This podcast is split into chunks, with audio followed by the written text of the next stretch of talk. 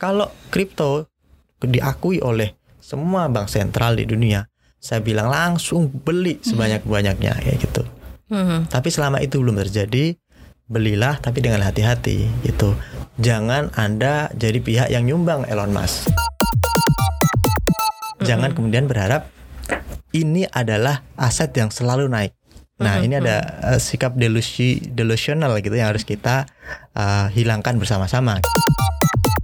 Virtual currency di penelitian itu menyebutkan itu hanya bisa punya nilai fundamental kalau emang dipakai gitu. Kalau Mhm. belum dipakai ya hanya didorong oleh sentimen pasar. Koneksi. Konten ekonomi seksi. Sobat Cuan, selamat datang di podcast Job Job Cuan Bersama Trio Cuan Cuan. Masih manggut-manggut kayak gini Amin. Ya ya ya ya, ya. Selamat Hari Raya Waisak ya buat Selamat Hari Raya Waisak Sobat Cuan yang merayakan uh, Semoga damai di bumi, damai di hati ya Amin. pastinya ya. Di hari libur ini tidak ketinggalan juga kita tetap ketemu di koneksi konten, ekonomi, berisi. Kayak Berisi. inya banyak banyak. inya banyak. Kalau yang ini tuh gue jamin berisi deh pokoknya. Soalnya aduh Au. agak agak Au. ngeri-ngeri sedap gitu. Mau ngebahasnya sebenarnya bukan eh ya ini ntar tanya Mas Argun deh pengalaman lah di dunia ini kita kita sembi, sembari relax ya sobat Iya, cuan yang dengerin juga atau yang menyaksikan via eh apa namanya Spotify gitu ya Ini nggak ada intensi apa pun ya, Iya, hanya iya, untuk memberikan eh, pemahaman sisi lain gitu aja ya. ini ini ditekankan sekali lagi ya dan tidak mengen, apa tidak ada unsur-unsur Ba- mengandung bawang dan lain-lain. mengandung bawang. Jadi ini tentang yang lagi heboh dan tentang yang lagi heboh dan tentang yang lagi ngetren. Mungkin Betul. sobat cuan juga gue rasa sih mungkin udah duluan lah udah para expert lah gue yakin banget udah lebih expert dari gue dari Mas Argun di sini head of research head of research CNBC Indonesia. Gue tekenin dan ada Angel juga produser dari cuap cuap cuan. Iya. kita mau bahasin uh, fear of missing out sebenarnya FOMO. Hmm. FOMO-nya tapi di kripto. Eh. Nah, Sedap ini. sedap. FOMO di kripto gitu ya Eh, ketakutan ketinggalan gitu ya tapi di cryptocurrency ini sebagai informasi juga untuk sobat cuan kan beberapa kali CNBC Indonesia juga memberikan artikel-artikel berita informasi gitu. Yang dikutip sebenarnya dari mention orang-orang besar sebenarnya. Kayak yang selalu bilang bahaya investasi Mhm. kripto lah gitu ya. Misalnya kayak ada Janet Yellen terus ada Jerome Powell juga Christine Lagarde Andrew Bailey terus kemudian ada Nurel Rubini. Ini tuh mereka orang-orang gede gitu loh yang ngomong yang memberikan apa namanya warning. a warning gitu bukan kita yang warning orang-orang gede nah ini apa sih yang lagi terjadi kan karena sekarang trennya mungkin lagi lagi up and down gitu ya, Ya. Eh, kalau dulu kan saham turun karena larinya ke kripto Mm-mm. Nah sekarang sama nih lagi sama sama sepi sebenarnya lagi lagi nggak Hmm. nggak nggak nggak asik gitu nih lagi ada fenomena apa nih mas Ya. kebosanan kah atau Nah. fenomena kalau kalau di saham kan pilih saham ini apa namanya lihat fundamentalnya per gitu kan price earning kalau di kripto tuh tunggu Elon Musk aja katanya Jadi Dia tweetannya ya. dia tweet itu ke mana larinya gitu mas gitu silakan mas Arif Gunawan dengan Instagram oh jangan disebut nanti. silakan Gak apa-apa sebutin. udah udah kebal. udah kan Ya em, harusnya pertanyaan ini dijawab sama netizen yang kemarin rame gitu. Mhm. Ketika saham anjlok, kemudian cryptocurrency lagi tinggi membumbung gitu kan, mereka bilang ya saham udah so old school. Old yesterday. school, so Sekarang yesterday. saatnya So yesterday. kripto gitu. Nah sekarang saham turun, kripto juga turun. Terus mau ngapain gitu, mau bilang apa gitu. Mm-mm. Jadi emang temen saya pikir, oke netizen ya, atau biasanya kan milenial nih kebanyakan. Mereka semangatnya itu lagi tinggi dan netizen itu emang mereka eh, apa haus dengan experience gitu. Makanya ada istilah fear of missing out gitu. Mhm. Ketika ada rame saham di awal di tahun kemarin ya atau deket-deket kuartal 3, kuartal 4 lah 2020 itu kan ada nih saham-saham tertentu ya apalah BRIS, ANTM Mhm. masuklah mereka itu pada retail-retail ter- terutama para milenial ya itu fear of missing out tapi Mhm. itu semangatnya bagus tapi kemudian ketika tidak dibarengi dengan eh, mawas risiko seperti yang kita bilang kemarin Iya, dan iya, juga iya. kemampuan menganalisis ya ya apa yang sedang anda hadapi ya khawatirnya nanti ketika anda rugi kemudian kapok. Nah, Psikologisnya kena juga kan langsung. Hmm. Nah Ekonomi, itu psikologis. khawatirnya akan terulang di kasus kripto gitu. Makanya CNBC Indonesia mengulas ini secara berimbang sebenarnya. Betul. Ketika kripto lagi naik, kita juga beritakan gokil uh, Bitcoin tembus Sadis, bla bla bla bla. ya. Sadis, gitu kan. Sadis. Ya mungkin bahasanya agak-agak lebay misalnya. Ya, ya sudahlah itu kan cuma judul. lah gitu, Gitu. ya. Tapi intinya kan lihat di kom- eh, kontennya gitu. Jangan Mm-mm. kemudian berharap ini adalah aset yang selalu naik. Nah, Mhm, ini ada eh, sikap delusi delusional gitu yang harus kita eh, hilangkan bersama-sama gitu. Mhm. Jadi eh, kalau sobat cuan investasi di cryptocurrency, maka masih ada dua pilihan. Jangan-jangan cryptocurrency ini bisa jadi beneran eh, the future of currency Mhm. atau di sisi lain dia bisa jadi jan- the next janda bolong gitu. Hmm. Itu dong janda bolong. Langsung Iya. Janda bolong bukan mahal ya? iya, mahal kan? Mahal sesaat terus Langsung kayak nggak ada harganya karena janda-janda Sekarang juga ya. Udah nggak bolong lagi. bolong soalnya. Aduh. Ah, harusnya nggak bolong ya. Aduh, aduh, aduh, iya, aduh. peluang itu masih 50-50 gitu. Jadi kan saya sempat diskusi gitu ya sama netizen gitu. Oh ada netizen yang mau diajak diskusi juga mas Ya, tapi saat itu akhirnya baliknya nyerang personal sih. Jadi pertanyaan saya adalah analis fundamental cryptocurrency itu seperti apa? Tidak ada yang bisa menyampaikan gitu. Ada yang memberikan argumen. Jadi kalau mau memberi menilai fundamental value dari eh, mata uang kripto adalah eh, lihat di buku putihnya, ya white paper istilahnya. Eh, tapi dia lupa bahwa white paper itu sebenarnya cuma prospektus. Kayak reksadana. Reksadana diterbitkan oleh perusahaan manajemen investasi. Is, dia nerbitin pro- prospektus isinya adalah reksadana ini akan kami investasikan di 1 2 3 4. Apakah itu info yang sifatnya fundamental ya enggak gitu. Ya, Jadi reksadananya ini akan memiliki nilai fundamental kalau benar-benar kemudian direalisasikan dia beli saham-saham tertentu Astra misalnya Mhm. atau Iya, iya, apalah iya. Antam misalnya baru kemudian kita tahu oh underlying asetnya adalah saham Mhm. ini Mhm. bagaimana nilai fundamentalnya ya kita harus melihat ke underlying aset itu Eh, itu kalau kita asumsikan eh, cryptocurrency sama seperti saham tapi kalau kita asumsikan cryptocurrency mata uang kripto bitcoin dan kawan-kawan itu seperti forex ya Mhm. seperti dolar dan sebagainya maka pendekatan fundamental value-nya ya berbeda. Fundamental value-nya forex adalah apakah sebuah mata uang ini itu akan memiliki sentimen positif dari satu kebijakan kebijakan ekonomi atau dari kebijakan moneter atau dari eh, di luar itu di luar itu juga ada faktor yang menggerakkannya ini faktor sentimen. Dan sentimen itu bukan lagi fundamental gitu. Hmm. jadi kalau sentimen pasar lagi negatif terhadap rupiah karena kita lagi ada pemilu, padahal pemilunya damai-damai saja, Mhm. tapi orang mikirnya,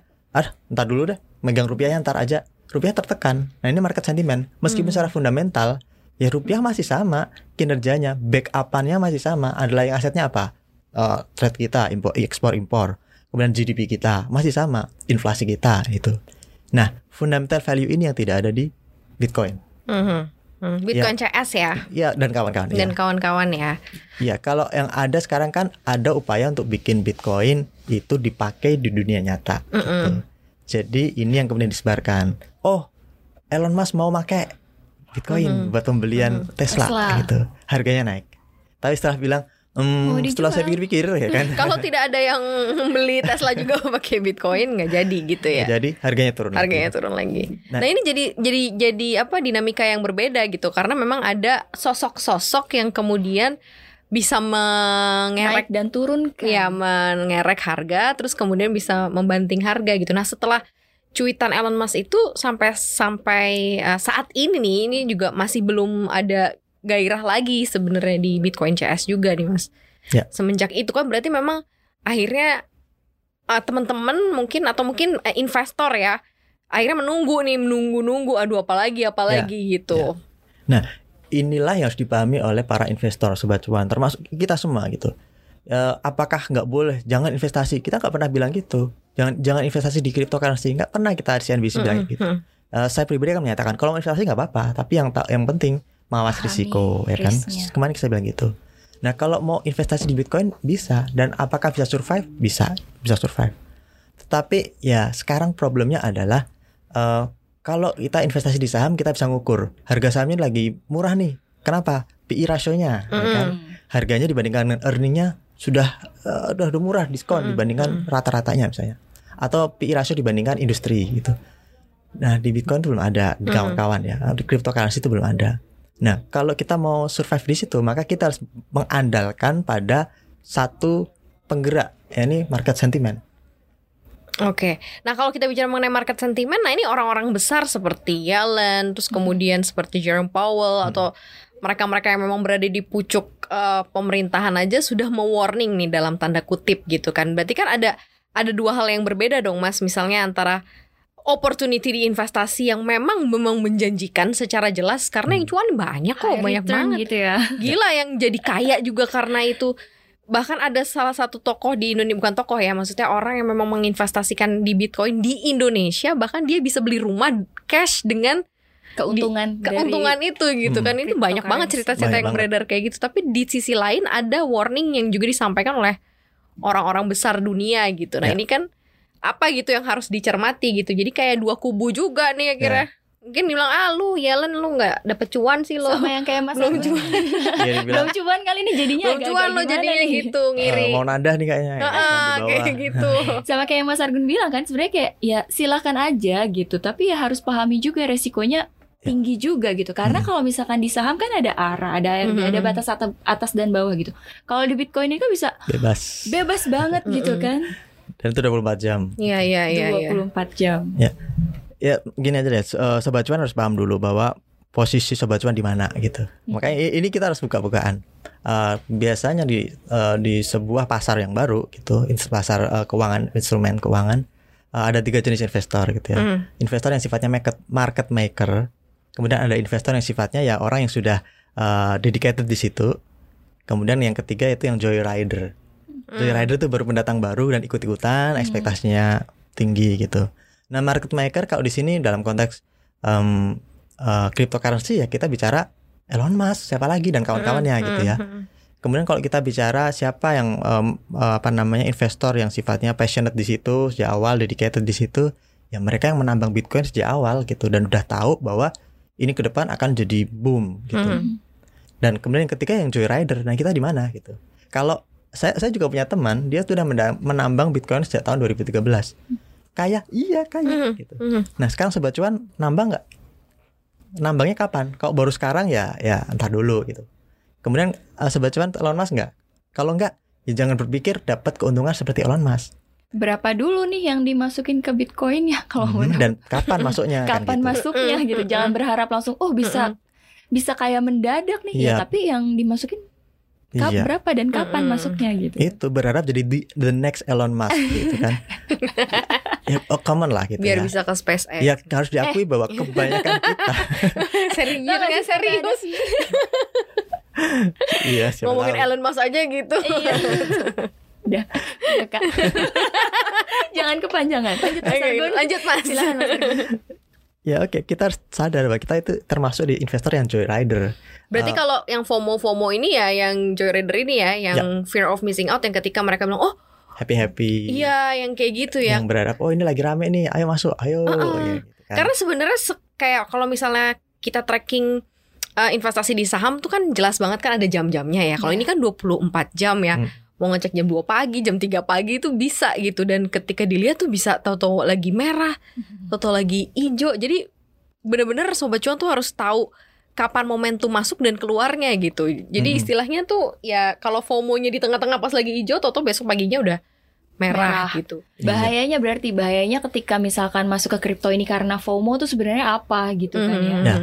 Bahayanya tuh kalau sobat cuan jadi gambler gitu. Hmm. Jadi aset ini tuh sangat spekulatif. Tadi kita ulas ya. Eh, evaluasinya dari mana sih? Mau fundamental nggak ada. Mhm. Adanya apa? Market sentiment. Jadi setiap kali ada kabar eh, Terus si A- diserang mas, nggak ada fundamental sih Ada itu white paper tadi. dibilang Terus diserang lagi loh. Ya. Gue gue tolongin nih masalahnya. Mas. ya mohon maaf fundamental value itu belum ada. Selama tidak dipakai di dunia nyata itu tidak ada Bitcoin fundamental dan ini bukan pendapat saya. Ada uh, beberapa tulisan nih misalnya the value of virtual currencies.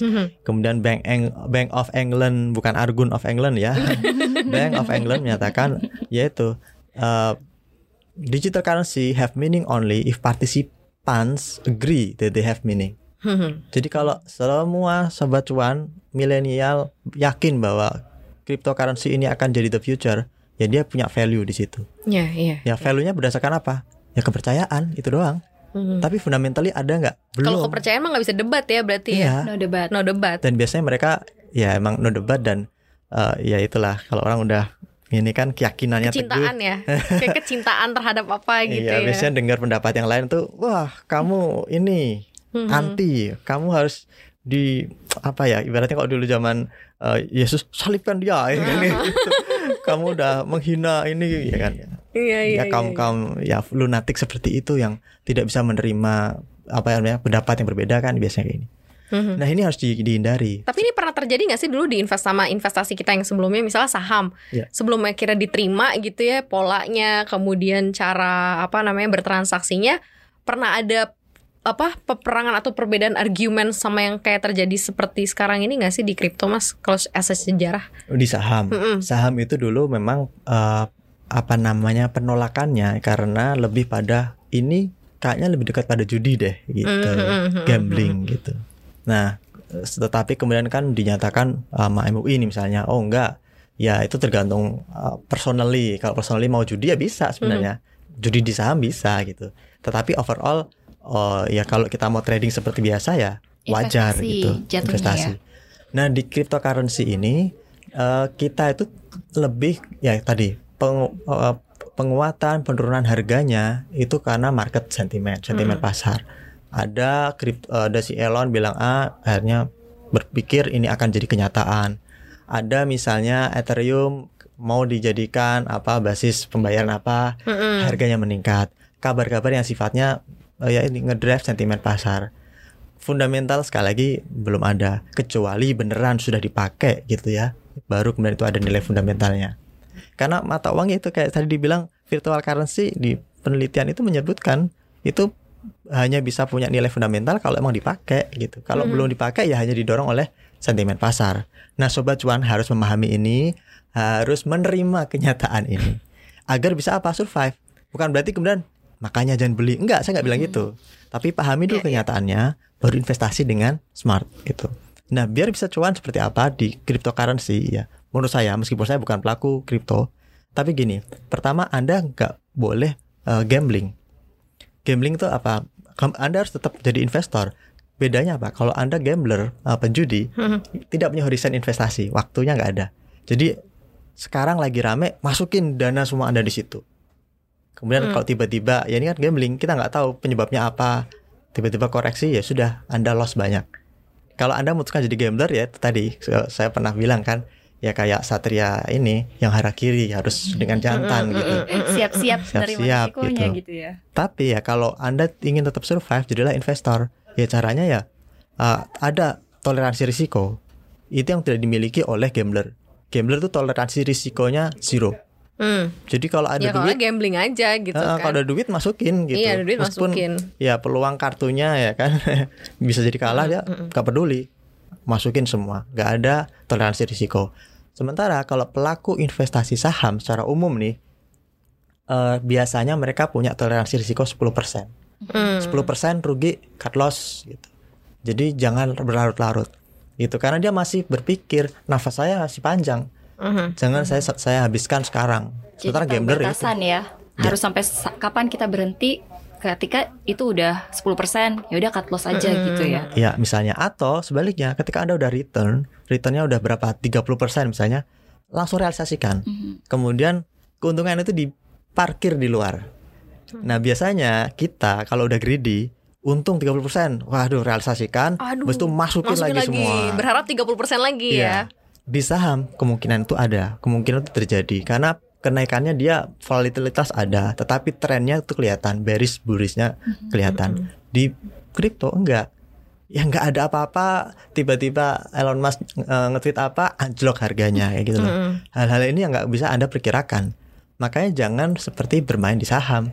Anda untung 100% realisasikan, balikin lagi masukin semua, kemudian ya berharap nanti naik terus terus naik terus. Karena apa? Pingin kayak Elon Musk gitu.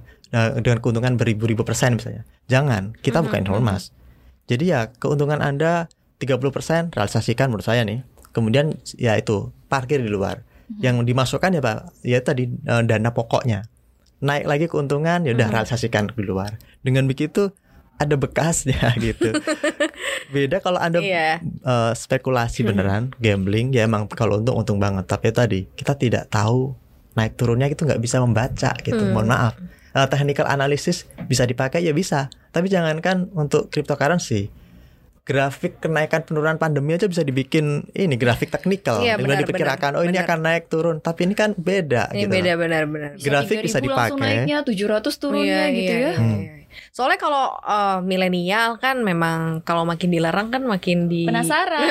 makin penasaran Coba, kenapa kok soalnya. dilarang? Ma- ketika uh, di apa dikasih warning warning kan malah ih kenapa sih gitu loh Ya. duit duit gue juga gitu Tapi kalau Gua misalnya apa-apain juga. datanya dari Bapepti nih ya kak Mm. eh, Jumlah investor aset kripto itu emang per Maret 2021 itu udah nyentuh 4,45 juta investor Padahal nih katanya di akhir tahun lalu jumlahnya tuh masih 2,5 juta investor. Nah ini berapa nih yang FOMO? iya. Iya kan? Nah ketika udah kayak gini nih eh, Udah diem aja stagnan aja gini ya turun apa segala macem nggak tahu juga kapan akan tinggi lagi. Akan ditinggalkan gak nih kira-kira Mas Argun sama yang FOMO FOMO ini? Yang FOMO FOMO yang FOMO sih kayak nggak yang kapok kayaknya. Nggak kapok ya? Kapok. Belum kayak Kalau Belum. lihat karakteristik pasarnya, eh, jadi gini, pasar Kayak pertanyaan Angel berbahaya banget ya kita skip aja Dijawab. Next Mas Argun gimana kalau misal Nah, nah, lah. Mas Argun eh, gini Eh mas jawab aja mas Gak apa. Jadi gini, kalau ngeliat karakteristik pasarnya nih Sobat Cuan. Jadi eh cryptocurrency itu kan digerakkan oleh sentimen pasar murni gitu ya. Mhm. Eh, jadi kalau memang ada kabar bagus, ini ada produk yang underlying asetnya nanti terkait dengan saham tertentu, Apple dan kawan-kawan, ya sahamnya eh, harganya akan menguat, misalnya harga kriptonya Eh, itu nggak banyak gitu. Mhm. Nah sekarang yang naik turunnya itu lebih pada supply and demand. Dan makanya karakteristik pasar, karakteristik pasar yang didorong oleh sentimen pasar ini, market sentimen pure ini, Mhm. mereka akan cenderung untuk mempertebal keimanan para pendukungnya dan kalau Hmm. perlu memperluas para pendukung-pendukung atau pengikut yang baru. Dan ini serupa dengan pola MLM Hmm. gitu. Jadi MLM dia akan butuh downline Iya. biar bisa dapat keuntungan kayak Mhm. gitu. Jadi kalau ada orang di bawah saya yang pada masuk dengan harga lebih tinggi, nah saya bisa cuan kayak gitu. Hmm. Makanya ini bisa dipahami kenapa biasanya mereka begitu kompak. Oh ini akan naik terus gitu. Iya, iya, Mhm. iya. Tapi harap dipahami bahwa ini volatilitasnya tinggi cryptocurrency dan delusional kalau nganggap ini pasti naik terus. What is up going to down somehow, Mm-mm, mm-mm, somewhere, some way gitu. Mhm. Jadi emang arahnya dua arah ini dua sisi, bukan naik terus, tapi naik turun itu harus dipahami.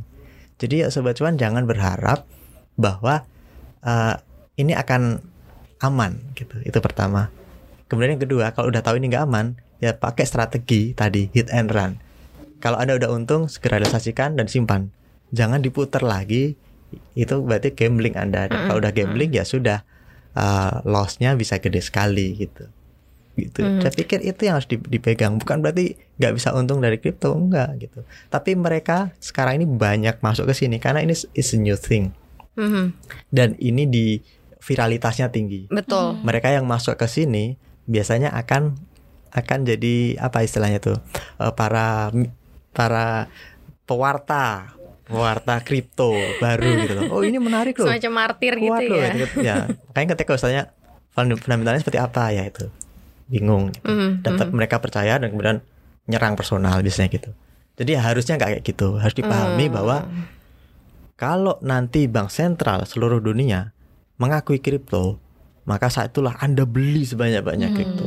Nah ini mereka sebenarnya butuh nggak sih pengakuan, pengaturan gitu kan kayak di Indonesia kan beberapa kali juga bilang katanya mau ada bursa kripto lah, mau ada Hmm. apalah gitu ya.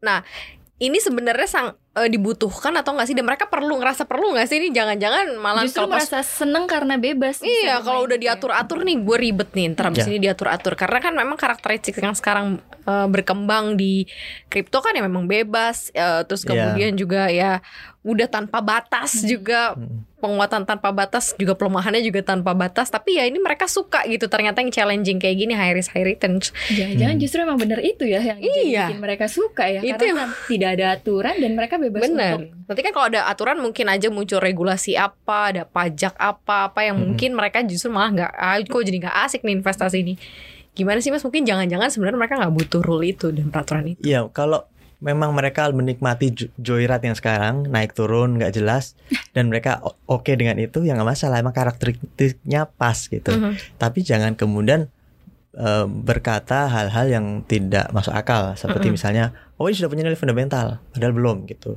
Eh, Hmm. demi ngajak orang-orang baru Mm-mm. gitu. white paper White paper lagi. Prospektus. prospektus kayak emiten ya. Jadi ad- ada hal-hal yang nggak bisa di istilah kayak kalau investasi di kripto iya karena fundamentalnya bagus itu berarti nggak nggak sesuai gitu Nggak ya. sesuai. Nggak ada.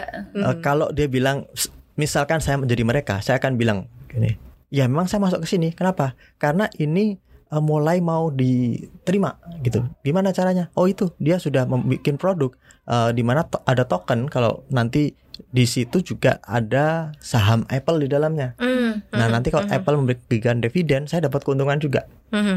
Nah, ini bisa gitu dijual gitu karena memang faktanya demikian. Ada beberapa produk yang seperti itu.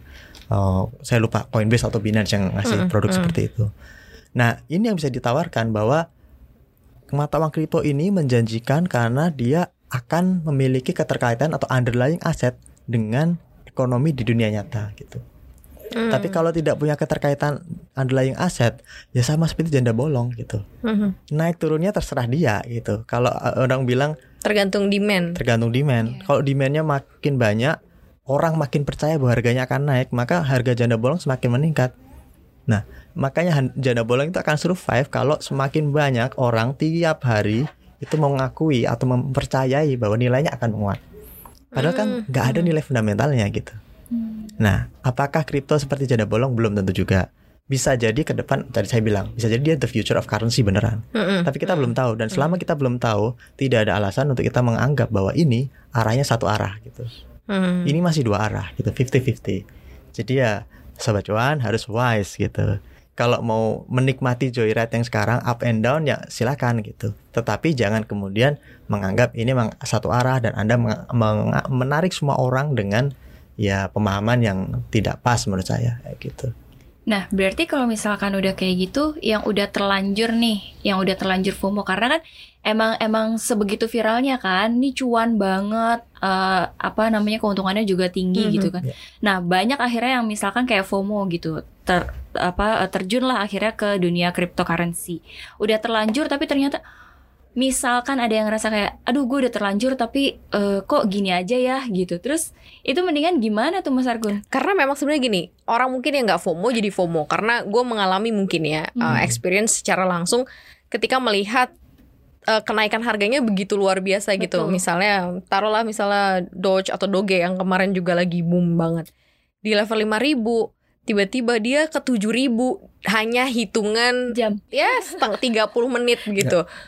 7000 dan terus kemudian banyak orang-orang yang waduh, gue mau dong nambah dong gitu kan jadi nambah nih di 7000. Terus kemudian ternyata memang benar uh, teraccept naik ke 9000 gitu, naik ke 10000.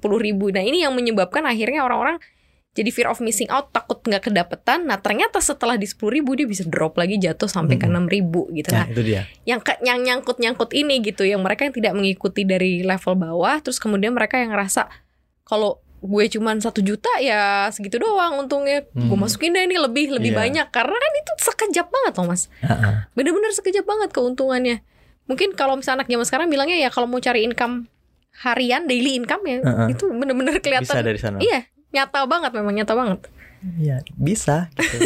Tapi itu tadi saran saya, Anda eh, jangan jadi pihak yang rugi di sini gitu. Artinya sekali gain untung ya ambil, Mm-mm. habis itu Mm-mm. sisihkan untuk ya tabungan atau apa atau untuk belanja apa yang Anda butuhkan.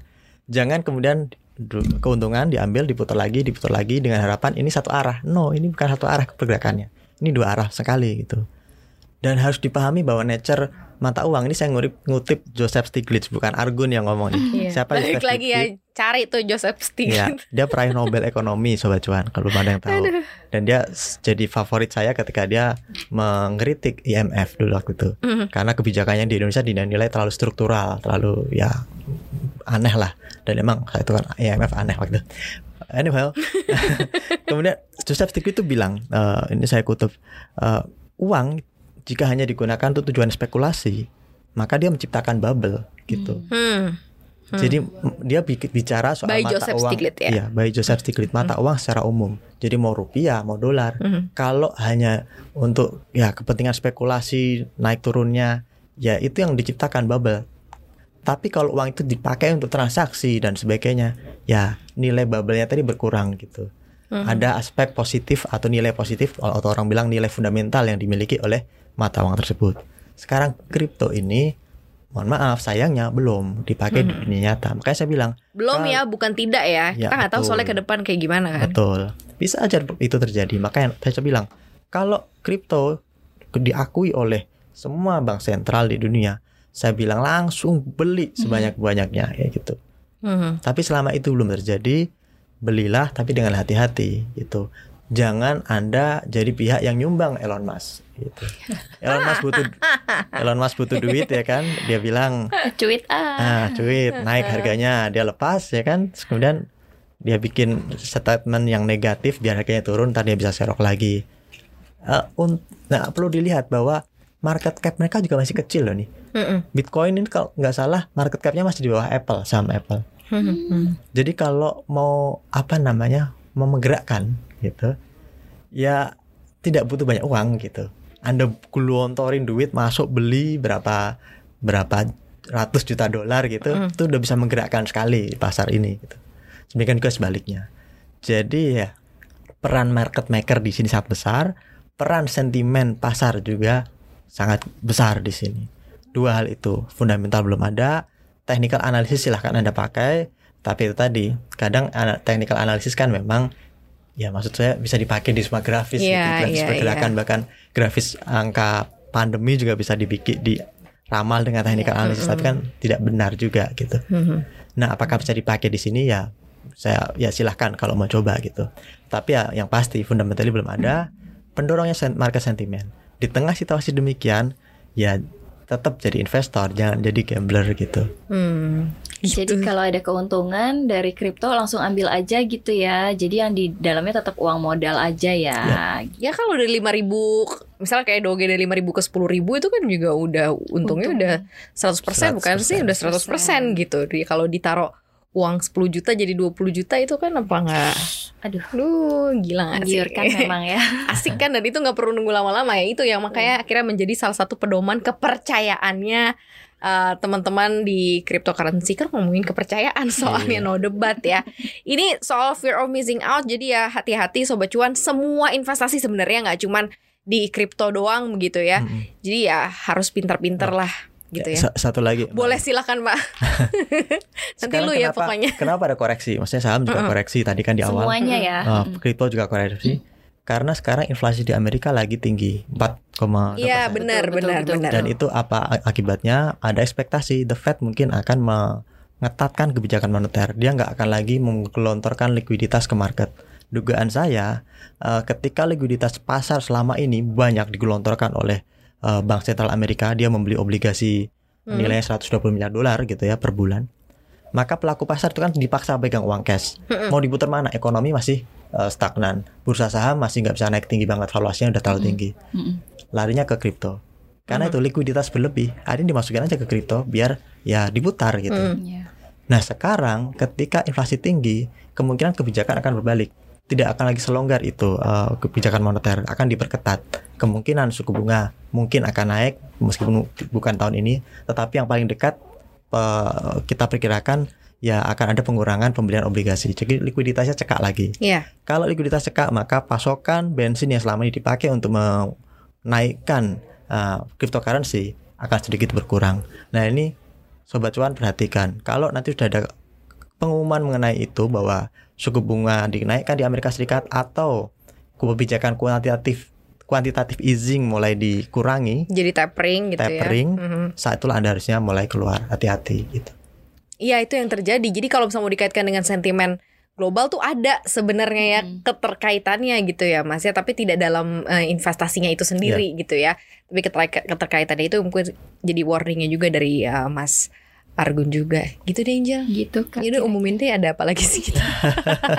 gitu sobat cuan. Jadi eh, boleh aja di kripto tapi pahami resikonya gitu ya karena high risk high, high return high risk gitu ya. Boleh di kripto asal jangan FOMO. Jangan lupa nonton kita juga di eh, YouTube kita di subscribe ya di cuap cuap cuan. Kemudian juga di Spotify, Apple Podcast. Jangan lupa Instagram. Cuap underscore cuan. Yes, kece banget. Angel. Selamat berlibur hari Waisak sobat Iya. cuan. Sampai Angel jumpa pamit. Liburan. Minggu depan. Angel pamit. Argun pamit. Mas Argun pamit. Berarti lo Mario. pamit. Bye sobat cuan.